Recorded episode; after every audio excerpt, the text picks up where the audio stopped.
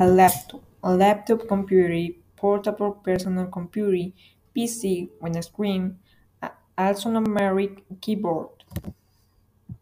This typical height and weight to screen mount on the inside of the upper lid and the keyboard on the inside of the lower lid.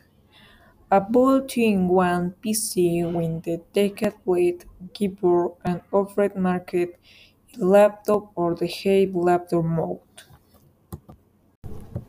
Laptops are functional for transportation and usually situated for mobile use. Its name comes from lab as it was the height practical to be placed on the person lap with bent use.